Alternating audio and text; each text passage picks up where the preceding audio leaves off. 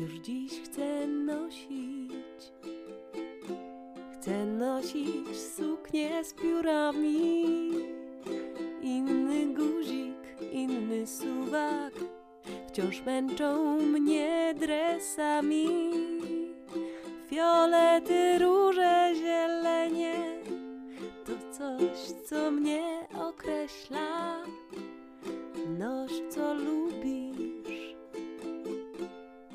daje dziś energia. Cześć, tutaj Karolina i Klaudia, czyli podcast Brzmi Dobrze, w którym rozmawiamy o szeroko rozumianym szczęściu. Dzisiaj jest z nami Magda, Ma- Magda Moćko, która prowadzi swój kanał e, To Właśnie Styl, e, na którym daje pewne rady, jak budować garderobę, bo prywatnie jest też stylistką. Tak, Magda nie tylko mówi o tym, jak dobierać i tworzyć swoją garderobę, ale także, za co bardzo doceniamy, Magda zwracasz uwagę na takie aspekty jak konsumpcjonizm. Co przyznam, że dla mnie było dość dużym zaskoczeniem, bo zawsze postać stylisty czy stylistki kojarzyła się z tym, że mm, powinno się mieć dopasowaną torebkę do, do butów albo do, do całego outfitu i raczej z tym, że trzeba mieć dużo rzeczy, żeby to wszystko do siebie pasowało. A ty w swoich y, filmach mm, pokazujesz, jak tworzyć garderobę, żeby tych rzeczy nie mieć aż tak dużo, a żeby jednocześnie nie sprawiało to nam takiego problemu i, i nie zabierało nam takiego dużego czasu dopasowania ich do siebie. Mm, Dzięki, że przyjęłaś nasze zaproszenie, żeby się tutaj y, pojawić. No i takim pierwszym aspektem, o którym chciałybyśmy porozmawiać, jest właśnie to, jak tworzyć taką garderobę, żeby, żeby czuć się w niej dobrze. Cześć, bardzo mi miło za zaproszenie, dzięki wielkie. Bardzo w ogóle fajnie, że mnie tak przedstawiłaś, bardzo mi jest miło to słyszeć, bo ja sobie tego tak nie widzę do końca. Nagrywam tak naprawdę to tak, jak czuję, tak jak gdzieś tam wewnętrznie mi to odpowiada, no bo na przykład tak jak poruszyłaś już trochę ten temat, nadmiar rzeczy mnie mega przytłacza. Właśnie na przykład w większości przypadków, kiedy idę na jakiś przegląd szafy y, do kogoś, to zawsze jest ten sam problem, typu rzeczy jest za dużo, wysypują się z tej szafy, a ktoś i tak chodzi cały czas y, w tym samym, więc gdzieś tam dążę do takiego uświadomienia y, moich odbiorców, że nim mniej, tym lepiej tak naprawdę. Mniej rzeczy, bardziej jakościowych, ale dopasowanych nawzajem do siebie, tym po prostu większy spokój, nie musimy się tak wtedy martwić właśnie tym, co do siebie pasuje, bo od początku jakby zastanawiamy się nad tym i budujemy, czy zastanawiamy to może nie, no bo nie chcę, żeby to tak zabrzmiało, żeby, żeby było o tym nie wiadomo jak myśleć, tylko mm, budujemy tą szafę w taki bardziej po prostu spójny sposób. Tak bym to ujęła. mhm. No, w aktualnym świecie popędu i jednak konsumpcjonizmu mam też takie własne doświadczenia. Nawet z ostatnich dni, kiedy wracałam trochę zmęczona po kilku godzinach e, intensywnej pracy przed komputerem, że dokonałam dość dużych zakupów na Zalando Lounge. I są to takie zakupy, z których dzisiaj y, nie do końca jestem zadowolona i uważam, że to były nie do końca y, przemyślane i świadome zakupy. No i teraz wszystko super, budujmy świadomą modę, no ale jak tu radzić sobie z tym, kiedy z każdej strony jesteśmy atakowani y, reklamami, promocjami, shopi, shopi, shopi i wszystkimi tego typu rzeczami. Ja też wpadam w takie pułapki właśnie wyprzedaży. Bardzo często mam tak, że mnie coś zachęci na jakiejś reklamie. Zobaczę jakiś outfit i mam takie, muszę to mieć, ale planuję teraz, znaczy planuję, na razie to wymyśliłam, zobaczymy jeszcze kiedy to wprowadzę w życie, jakąś taką serię na Instagramie, na przykład na Instastory, żeby te outfity, które zobaczę gdzieś w internecie, zainspirują mnie i zapragnę je mieć, postaram się odtworzyć z drugiej ręki, z vintage, z lumpexów i z vinted głównie, bo tam jest najłatwiej wyszukać jakieś takie bardzo konkretne rzeczy, no bo wiecie, w lumpeksie to co się trafi, to się trafi, nie? Więc na tej zasadzie gdzieś tam w ogóle często tak funkcjonuje. Głównie dlatego, że bardzo dużą satysfakcję daje mi kupowanie z drugiej ręki, takie szperanie po vintage shopach, po second handach, niż kupienie outfitu konkretnie tego, który zobaczę na przykład na jakiejś tam stronie, typu na tym Zalando Lounge i odtworzenie go z tych rzeczy, które oni tam prezentują. A co właśnie dla osób, które, no bo jakościowo fajnie, fajnie, miejmy jakościowe ciuchy, no ale te jakościowe ciuchy no jednak są drogie i jaki może być sposób dla osób, które no niekoniecznie ich stać na buty za 500, nie? Właśnie Vinted. Mój Mhm. sposób to jest Vinted naprawdę, typu marzyły mi się, wiecie, jakieś tam markowe sneakersy, to była akurat Weża y, to zaczęłam szukać. Najpierw przymierzyłam sobie je stacjonarnie w jakimś tam sklepie, żeby wiedzieć, jaki mam rozmiar, i zaczęłam szukać ich na Vinted. Bo n- wiele ludzi jest zrażonych do tego, że a kupię używane buty po kimś, to jakaś grzybica, w ogóle nie wiadomo co, ale na tym portalu bardzo często wystawiane są buty nowe, no bo ktoś, nie wiem, dostanie w prezencie albo zrobi takie nieprzemyślane zakupy, nie zdąży w terminie ich zwrócić i wtedy po prostu wystawia je na przykład 100-200 zł taniej. No to tu już jest jakiś sposób, żeby gdzieś tam zaoszczędzić, albo po prostu trzeba, wiecie, szperać, poczekać chwilę na jakieś kodziki rabatowe, jak wskoczą na jakąś okazję tam typu, nie wiem, Dzień Matki, Walentynki czy coś. Zawsze strony coś nam proponują. No, więc tak. Mhm, mhm. A jak czysto z własnego doświadczenia pracy jako stylistka, czy, czy własnego osobistego doświadczenia, w jaki sposób ubiór może poprawić nasz nastrój albo sprawić, że będziemy szczęśliwsi? Mega gdzieś tam z własnego doświadczenia, przepraszam, to, to dostrzegam, że po prostu kiedy mam na przykład gorszy nastrój, nie wiem, taki obudzę się, mam taki dzień, wiecie, bez energii, nic mi się nie chce, jestem zmęczona czy coś, to chodzę taka po prostu rozmemłana w tym dresie albo w piżamie, nawet czasem nie przebiorę, nie ogarnę i tak dalej, no to po prostu ten nastrój gdzieś tam, jak się patrzy na siebie w lustrze takim, w takim rozmemłaniu, że tak powiem, no to po prostu wiecie. Patrzymy na siebie w to lustro, no i nie uśmiechniemy się do siebie, widząc ten taki nasz gdzieś tam obraz. A kiedy wskoczymy gdzieś tam w nasze ulubione rzeczy, w ulubionym kolorze, w ulubionym wzorze, czy w ulubionym materiale, który po prostu jest przyjemny dla naszej skóry i sprawia nam takie pozytywne wrażenia, to jednak y, sprawia to, że, że czujemy się lepiej od razu. No, też z Klaudem rozmawiałyśmy przed nagraniami, że pandemia bardzo mocno wpłynęła na to postrzeganie pande- yy, garderoby, kiedy mogliśmy pracować zdalnie i wszyscy zaczęli chodzić w dresach, a później się okazało, że kurczę, to jest strój, w którym jestem non-stop i nie czuję się w nim dobrze, nie? I stał się taki trend, żebyśmy się zaczęli ładnie ubierać, malować, żeby Mhm. usiąść przed komputerem w swoim własnym domu. Że, że to tak bardzo wpływa na, na nasze samopoczucie, no nie? Nagle to się stało po prostu istotne. Tak, tak naprawdę dopiero teraz, jak zaczęliśmy z tej pandemii wychodzić, to sklepy znowu zaczęły nam proponować jakieś, wiecie, te wieczorowe sukienki z jakimiś piórami lub po prostu bardziej takie te rzeczy, wiecie, wyjściowe, bardziej strojne, jakieś bardziej może eleganckie, po prostu coś więcej niż dres, bo przez te dwa lata tak, no niecałe, czy tam, no, koło dwóch lat proponowano nam tylko i wyłącznie dresy. W każdej marce, w każdym sklepie była jakaś tam specjalna linia loungewear, homeware i cały czas dresy. Wszędzie tylko dresy, tylko w innym kolorze, tu z takim suwaczkiem, tu z takim guziczkiem, ale wszędzie było tak naprawdę dokładnie to samo. Też taki trend y, dopamina dressing, który y, jakby skupia się na tym, żeby nosić kolorowe, jaskrawe ubrania i podobno to y, powoduje, że produkujemy dopaminę, produkuje się dopamina w naszym mózgu i tym samym jesteśmy bardziej szczęśliwi. Nie wiem, czy masz też takie doświadczenia, że, że właśnie te kolory, mm, tekstura materiału ma wpływ na to, jak, jak się czujemy w danym ciuchu? Tak, mega ma wpływ. Nawet widzę po sobie, że kiedyś ubierałam się tylko właśnie na czarno. To też wynikało z jakichś tam takich nastoletnich, buntowniczych poglądów, ale teraz od tej czerni naprawdę mega odchodzę i to, co, to, to czego pragnę, to, co też obserwuję na Instagramie, to na co mam ochotę, to po prostu jakieś kolory, róże, fiolety, zielenie. Nic zielonego jeszcze nie mam. Planuję się zaopatrzeć. Będą poszukiwania na Vinted, bo mega mi się po prostu chce koloru. O, wiesz, y, też y, ty w swoim, swojej firmie robisz em, analizę kolorystyczną kiedyś, e, jak siedziałyśmy sobie prywatnie, to powiedziałaś mi, no dla ciebie czarny to, to nie jest do, dobrym ko- kolorem. I miałam takie, jak to, jak to, no nie, ten czarny?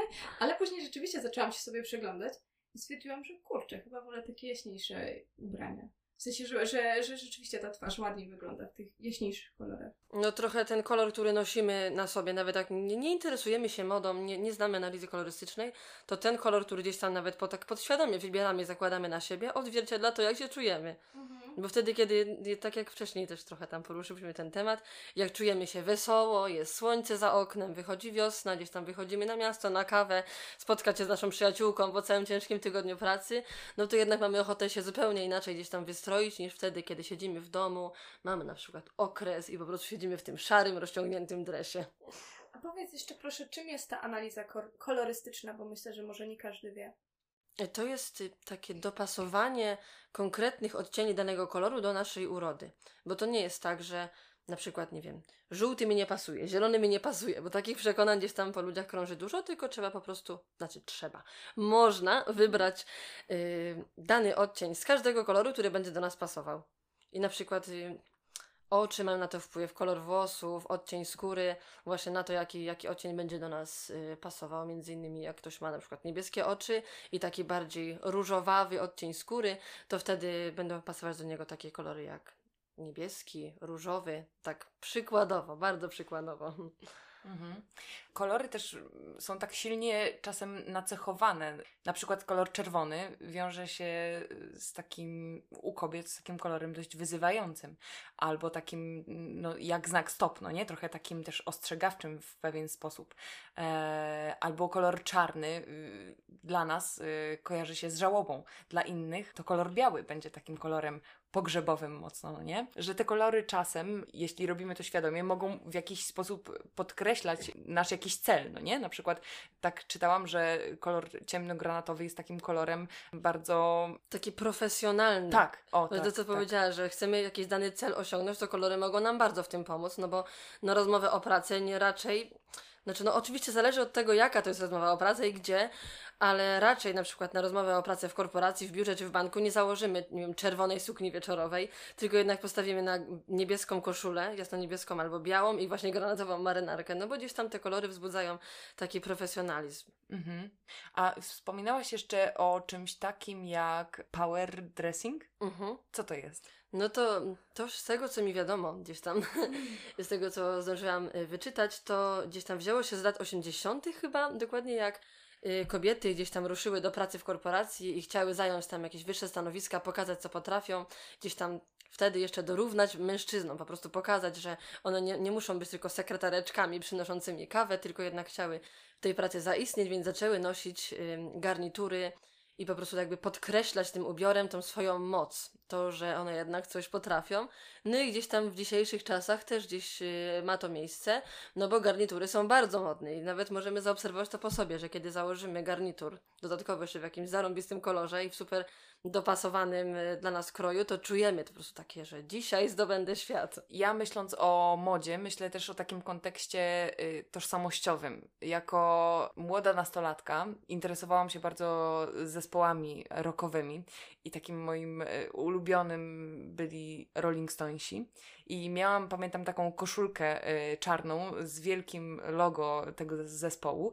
I miałam takie poczucie, że mój wygląd musi określać to, czym ja się interesuję, jaki ja mam charakter, że to jest taka rzecz, która bardzo wpływa na taki pierwszy odbiór mnie jako człowieka i że on jest bardzo istotny i, i powinien właśnie okazywać to. Co o tym sądzisz? Nawet mam taką refleksję gdzieś tam we, po prostu wewnętrznie, bo jak najbardziej bardzo dużo się o tym mówi, że ubiór nas wyraża, ale gdzieś tam ten temat jest poruszany wśród taki, takich y, osób, wśród takiego gdzieś tam środowiska, które się tą modą interesuje i które gdzieś tam tak zdaje sobie z tego sprawę, ale nawet osoby, które się tą modą nie interesują i nie zdają sobie z tego sprawy, że ten ubiór nas wyraża, to i tak ich wyraża, i tak daje jakieś wrażenie na temat, na temat tych osób, no bo dlaczego y, każdy z nas ma takie rzeczy, których nigdy by nie założył? No i skąd to się bierze? No właśnie, właśnie z, te, z tego y, z tej mocy, które, które ubrania gdzieś tam w nas, w nas wywołują i tej mocy, jakie pierwsze wrażenie gdzieś tam są w stanie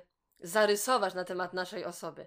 Bo zupełnie in, inne wrażenie wywołamy właśnie, kiedy mamy na sobie na przykład granatową marynarkę i białą koszulę, zupełnie inne, kiedy mamy sukienkę boho, a jeszcze inne, kiedy mamy rockową jakąś koszulkę z zespołem. Ubranie naprawdę mocno nas wyraża. Może na czasem nawet jak nie do końca zdajemy sobie z tego sprawę, to, to wiąże, się, wiąże się i z naszymi poglądami, i z naszym samopoczuciem, i z, no, no z tym tak naprawdę, co chcemy światu przekazać.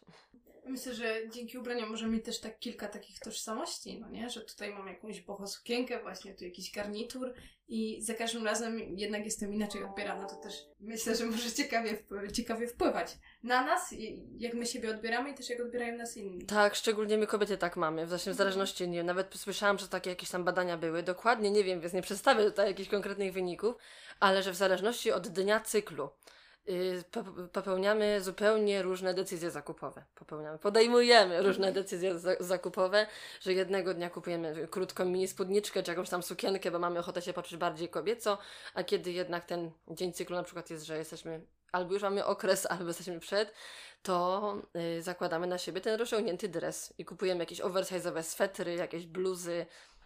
O, to bardzo, bardzo ciekawe. Tak z tym słowem popełniamy, to też mi się skojarzył właśnie temat fast fashion, nie? Że, że to słowo może nie było takie całkowicie nietrafione, tylko rzeczywiście mm, jest to trochę jak takie popełnianie zbrodni z tym fast fashion. E, ale czym może mogłabyś rozwinąć właśnie, czym jest fast fashion, bo tak jak wcześniej rozmawiałyśmy, zakładamy, że wszyscy wiedzą o co chodzi, czemu ta moda jest, może być zła, ale może nie każdy wie, więc czy mogłabyś rozwinąć? Fast fashion w wolnym tłumaczeniu to jest szybka moda, czyli innymi sieciówki wszystkie. H&M, Zara, y, Pepco, Shein, ostatnio bardzo y, popularne, czyli coś, co jest wytwarzane tanim kosztem, y, ze złej jakości materiałów i w, w złych warunkach ludzkich, w złych, warunkach środowiskowych, często w bardzo toksycznych i dla pracowników, i dla tego, i dla pracowników tych firm, ale też dla ludzi żyjących, mieszkających w środowisku, gdzie te rzeczy są produkowane.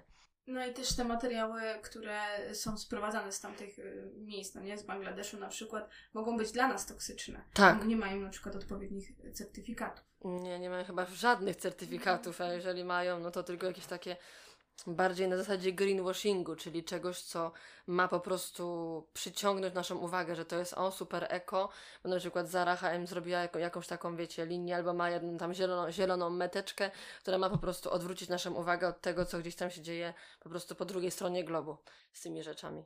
Mhm. To powiedz mi, jak ty się y, odnosisz do tego jako stylistka? Jakby jak unikać tego fast fashion? No bo wydaje mi się, że pewnie nie każdego z nas stać, żeby kupować same ubrania y, takie drogie, wysokiej jakości. Wiem, że wspominałaś o tych ubraniach z drugiej ręki, ale też też czasami nie jest takie łatwe, no nie? Znaleźć ten ciuch, który akurat nam się podoba, mhm. który pasuje nam z tej drugiej ręki. No, w moim jakby celem takim w całej mojej stylistkowej, kanałowej działalności jest to, żeby znaleźć sobie taki złoty środek. Nie, nie jest absolutnie gdzieś tam w, w moim nie jest to moim celem, żeby zrezygnować całkowicie z fast fashion, bo naprawdę jest to bardzo ciężkie albo nawet niemożliwe i wywołuje y, dużą presję na głowie po prostu, że no bo jednak jesteśmy, tak jak wcześniej mówiłyśmy, atakowane tymi różnymi reklamami, widzimy różne fajne zdjęcia i chcemy fajnie wyglądać. To jest gdzieś tam naturalną potrzebą, że chcemy się sobie podobać i chcemy, pragniemy gdzieś tam tych y, fajnych, modnych rzeczy, które dookoła nas widzimy. Więc najlepiej jest znaleźć sobie taki złoty środek i kupić czasem, czasem coś w tej sieciówce, bo to nie jest, wiecie, już jakaś tam zbrodnia, kiedy, nie wiem, raz na pół roku, czy nawet raz na jakiś czas kupimy coś w tej zarze, tylko ważne jest to, żeby to były przemyślane zakupy. I jeżeli decydujemy się, decydujemy się na jakikolwiek zakup, czy jest on w lumpeksie, czy w sieciówce, czy w polskiej marce z ekocertyfikatami 100% len i tak dalej, to żeby to był zakup, który faktycznie jest nam potrzebny i który będziemy nosić, z którego będziemy korzystać, bo nieważne jest, gdzie kupimy te rzeczy, tylko właśnie ważne jest to, żebyśmy te zakupy robili y, rozsądnie. Bo nawet jeżeli mamy y, same takie rzeczy w szafie od tych wszystkich ekomarek i tak dalej, ale mamy ich za dużo i kupujemy je cały czas i ten nasz y, zakupoholizm po prostu zaczyna gdzieś tam w nas wzrastać, no to jakby nie ma znaczenia, gdzie je kupimy, no bo to i tak jest konsumpcjonizm i tak jest. A to mhm. nigdy nie jest dobre.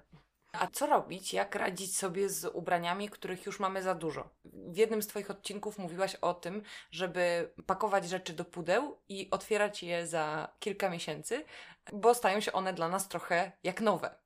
Jakie masz jeszcze rady dla tych, którzy już tych ubrań mają za dużo, e, na przykład mnie, i, e, i powinnyśmy jakoś już te nasze szafy ograniczyć, bo, bo się po prostu no, nie mieścimy.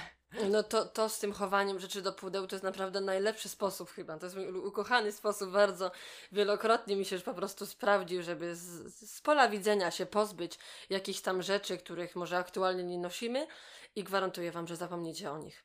Zapomnijcie, jeżeli to nie są jakieś rzeczy, po które sięgacie codziennie i zostawicie, na przykład macie, nie wiem, cztery pary spodni i dwie z nich schowacie, to zapomnijcie o nich, że one w ogóle były po jakichś dwóch tygodniach od schowania i na przykład za pół roku sprzątacie szafę, wyciągniecie to i nagle, o, ja mam takie spodnie. I będzie takie po prostu zaskoczenie, że te rzeczy są dla nas yy, nowe.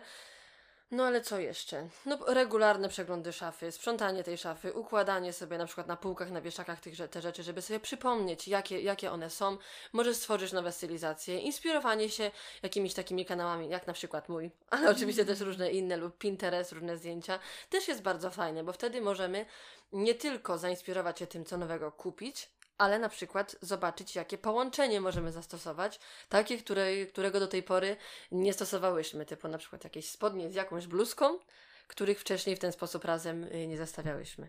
Myśląc o modzie, myślę też, y, bo przygotowując się do tego odcinka, czytałam odnośnie tej analizy kolorystycznej, odnośnie tych doboru kolorów i, i wielu innych rzeczy, ale pomyślałam, że niektóre z tych rzeczy mm, totalnie wykluczają osoby starsze i wykluczają osoby, które noszą rozmiar większy niż XL.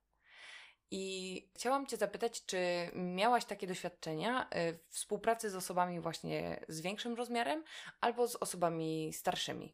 Z osobami z większym rozmiarem nie miałam doświadczenia. Tutaj się szczerze przyznam, że po prostu jeszcze mi się nie zdarzyło z takimi osobami pracować, ale co, co tu mogę powiedzieć? Moda jest dla każdego. Dla każdego. I to, co mamy ochotę nosić, to po prostu to nośmy. Nie ma czegoś, czegoś takiego, że jakaś tam dana rzecz, jakiś dany krój nie pasuje nam, bo mamy taką, a nie inną sylwetkę to pasuje nam to, w czym się dobrze czujemy po prostu.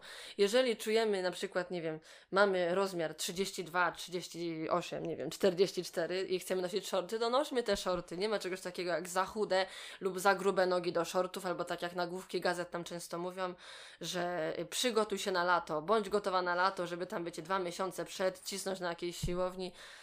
Ale po co? Po to, żeby co? no okej, okay, ćwiczenie dla zdrowia i tak dalej, ale nauczmy się w końcu gdzieś tam akceptować siebie i nie poddawajmy się tej takiej presji otoczenia, że bo ktoś nam coś powiedział, że czegoś nam nie wolno. Bardzo często takie przekonania wynikają z tego, co nam ktoś kiedyś powiedział. Przy, nie wiem, no, najczęściej to są jakieś, wiecie, nasze ciotki, babki, czy nie wiem, koleżanki z podstawówki, bo to najczęściej gdzieś tam w tym młodzieńczym okresie coś takiego ma miejsce, że ktoś nam coś powie i to po prostu zakorzenia się nam na całe życie. No ciężko jest się tego wyzbyć. No tak sobie tutaj powiedziałam, że że zaczniemy siebie akceptować, no ale łatwo, łatwo powiedzieć, no, zdaję sobie z tego sprawę, jednak po prostu gdzieś tam ten ubiór i te wszystkie zasady bardzo często wynikają z naszych przekonań, a nie z tego, co faktycznie wolno i nie wolno, bo w modzie nie ma czegoś takiego, że czegoś nie wolno. Jak czegoś nie wolno, ale bardzo się chce, to można, jak Osa mówi.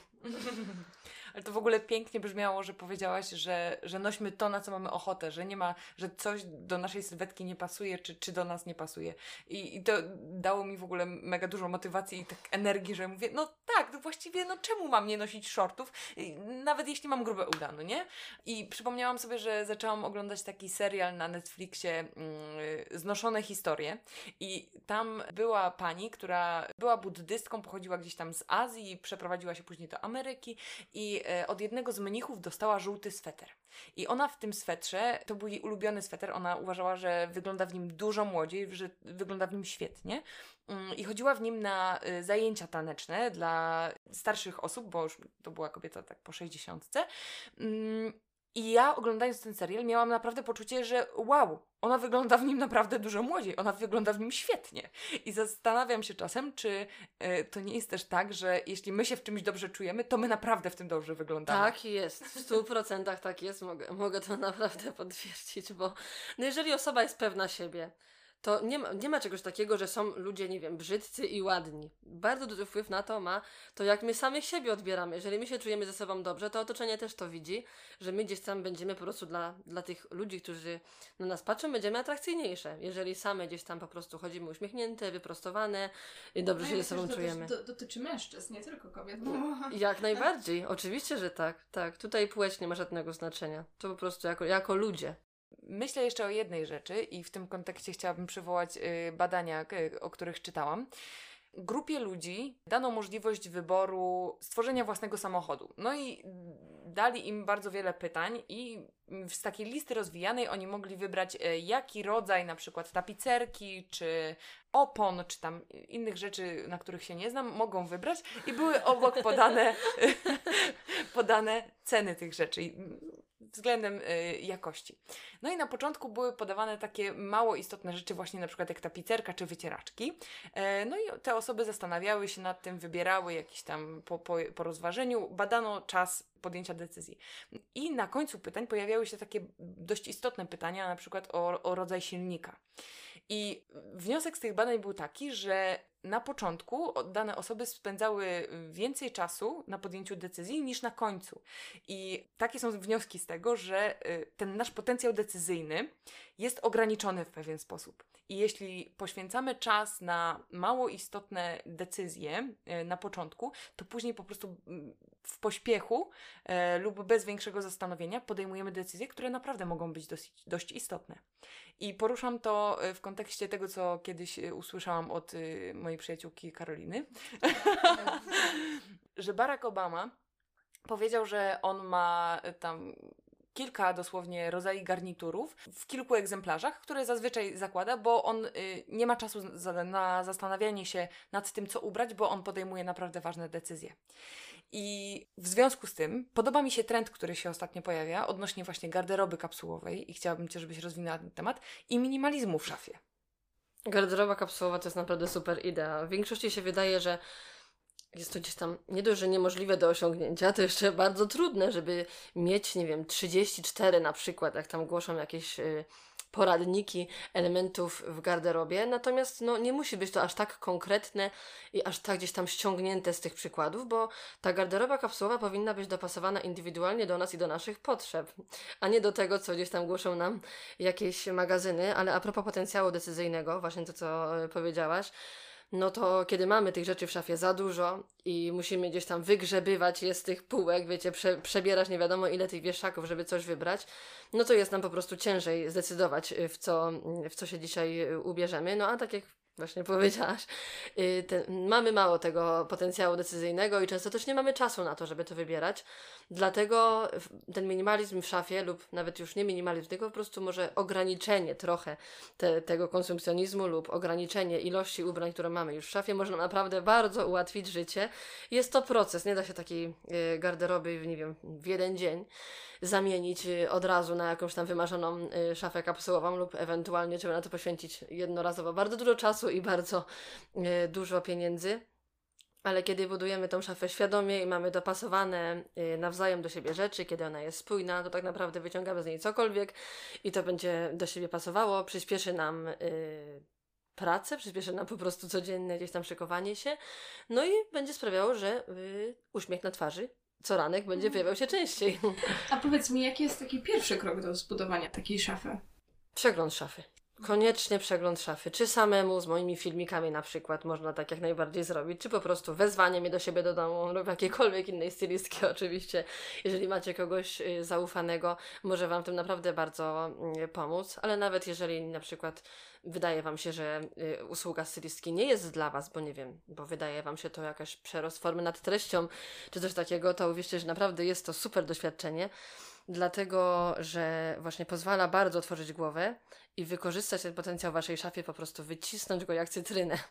dlatego, że mm, sami gdzieś tam właśnie budując, znaczy budując, po prostu bazując na naszych y, przekonaniach, na jakichś tam przyzwyczajeniach, łączymy rzeczy cały czas y, tak samo a właśnie taka osoba z zewnątrz, nawet to może być koleżanka, nie może być to stylistka, połączy te rzeczy zupełnie inaczej i w, w kontekście czego po prostu jesteśmy w stanie tych stylizacji stworzyć więcej z tego, co już mamy i wy, wyeliminować te zbędne elementy, na przykład powtarzające się 55 razy czarne, takie same t-shirty, tylko każdy z inną długością rękawka, które no tak naprawdę zapychają nam tylko miejsce w szafie.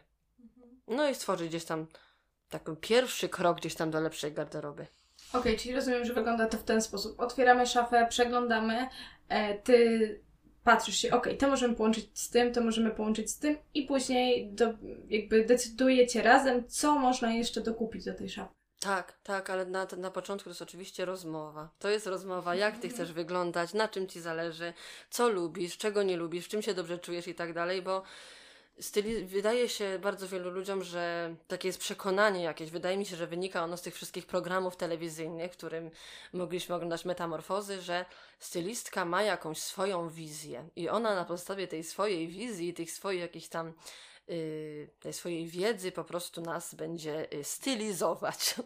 A to w moim odczuciu gdzieś tam tym, co, co ja czuję, w tym, jaka jest gdzieś tam moja, moja misja na to, nie, kompletnie nie o to chodzi. Tylko chodzi o to, żeby dopasować ten styl, gdzieś tam te ubrania do, do tej danej osoby, która gdzieś tam chce, która wykupuje tą, wykupuje, czy po prostu na przykład dostaje y, tą naszą usługę, to jest kwestia bardzo indywidualna i ważne jest to, żeby y, ta osoba, ten klient, klientka dobrze się czuła w tym, co nosi.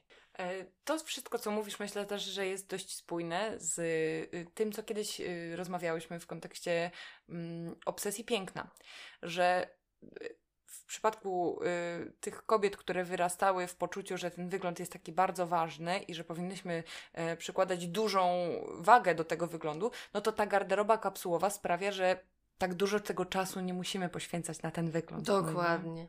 To ona po prostu załatwia za nas połowę, połowę rzeczy tak naprawdę. Mhm. No bo zaglądamy tam, wyciągamy przykładową marynarkę, przykładowy t-shirt, przykładowe spodnie i to pasuje. po prostu. I analiza kolorystyczna też może w tym pomóc, dlatego że kiedy dobieramy sobie sorki, rzeczy z naszej palety, no to one nawzajem do siebie pasują. No bo kiedy mamy na przykład, nie wiem, paletę dla lata, czyli jakąś tam chłodną i zgaszoną, no to wszystkie te kolory są jakby nawzajem ze sobą y, pasujące. Myślę, że musisz wyjaśnić, co to jest paleta dla lata. No właśnie też o tym pomyślałam, że może to być nie do końca jasne, czyli po prostu kol- kolory z jakby z jednej y, palety kolorystycznej. W przypadku lata to na przykład będą biele, róże, niebieskości, to takie po prostu chłodne, delikatne, zgaszone kolory. Nie będzie tam pomarańczu, nie będzie tam żółci na przykład, nie będzie tam brązu. No bo na przykład kiedy mamy, nie wiem, niebieskie spodnie i różową koszulę, no to brązowa marynarka może tak nie do końca siąść. Oczywiście co kto lubi, jak najbardziej, że ktoś tak lubi, bardzo proszę, tak jak mówiłam, najważniejsze jest to, co gdzieś tam nam się podoba. Ale no mam nadzieję, że, że wiecie o co chodzi. Po prostu gdzieś tam y, te kolory będą się ze sobą na tyle łączyć, że nie będziemy musieli się w ogóle zastanawiać, czy to pasuje, czy nie. A w przypadku tego brązowego i różowego w połączeniu może tak trochę być, że będziemy mieli takie, ale czy to na pewno pasuje? Czyli we wszystkim tym, co powiedziałyśmy, rozmawiamy tutaj o tym, żeby ułatwić sobie trochę to życie, żeby podejmować świadome decyzje i żeby żyć tak w zgodzie ze sobą, z tym, co my chcemy przekazywać, żeby się dobrze w tym czuć i też mm, jednocześnie w zgodzie trochę z naturą i światem. Dokładnie. Mhm. Okej, to myślę, że będziemy już kończyć. Bardzo dziękujemy Ci, że zdecydowałaś się tutaj u nas zagościć. To ja bardzo Wam dziękuję. Było mi bardzo miło, naprawdę bardzo się cieszę, że mogła tutaj z Wami porozmawiać. Dzięki. No i do usłyszenia niebawem. Cześć.